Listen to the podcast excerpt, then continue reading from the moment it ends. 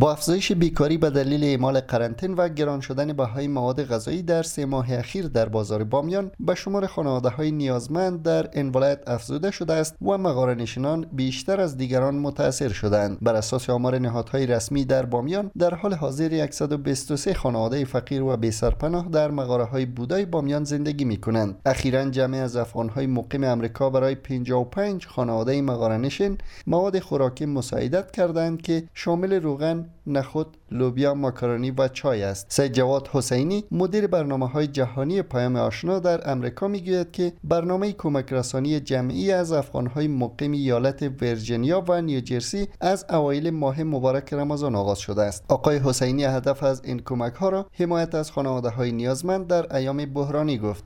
واقعا مردم ما نیازمند است و به نظر ما کمک به این شرایط کرونایی ده برابر بیشتر قبل از کرونا و ده برابر از بیشتر از بعد از کرونا هست. بیال ما نیازمند است و ما از تمام کسایی که صدای ما میشنوند از هر کسی که میشنوم خواهش می‌کنم که مخصوصا کسایی که توانایی دارن در اروپا و استرالیا و امریکا هستند اگر ما فقط پول میوه خود بر مردم خود بتیم. واقعا که یک کمی مشکل مردم حل میشه. اگر ما 5 درصد درآمد خود بتیم خیلی مشکل کم میشه. مدیر برنامه های جهانی پیام آشنا افزود که قبل از بامیان بیش از 650 خانواده در هرات کابل و بلخ نیز کمک کردند. نشینان بامیان پس از شیوع بیماری کرونا بیشتر با فقر و گرسنگی مواجه اند. سید علی احمد اکبری و زهرا دو تن از کسانی که کمک گرفتند می‌گویند ما تشکر می‌کنم از این کمک به خاطر بر مردم بی خیلی کمک. از جمله یک بشکه روغن است مکرونی چای نخود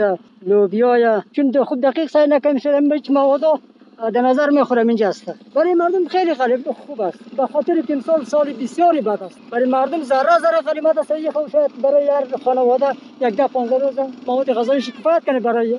چند چسبان در غار میشینی؟ دیگه خانه نداره.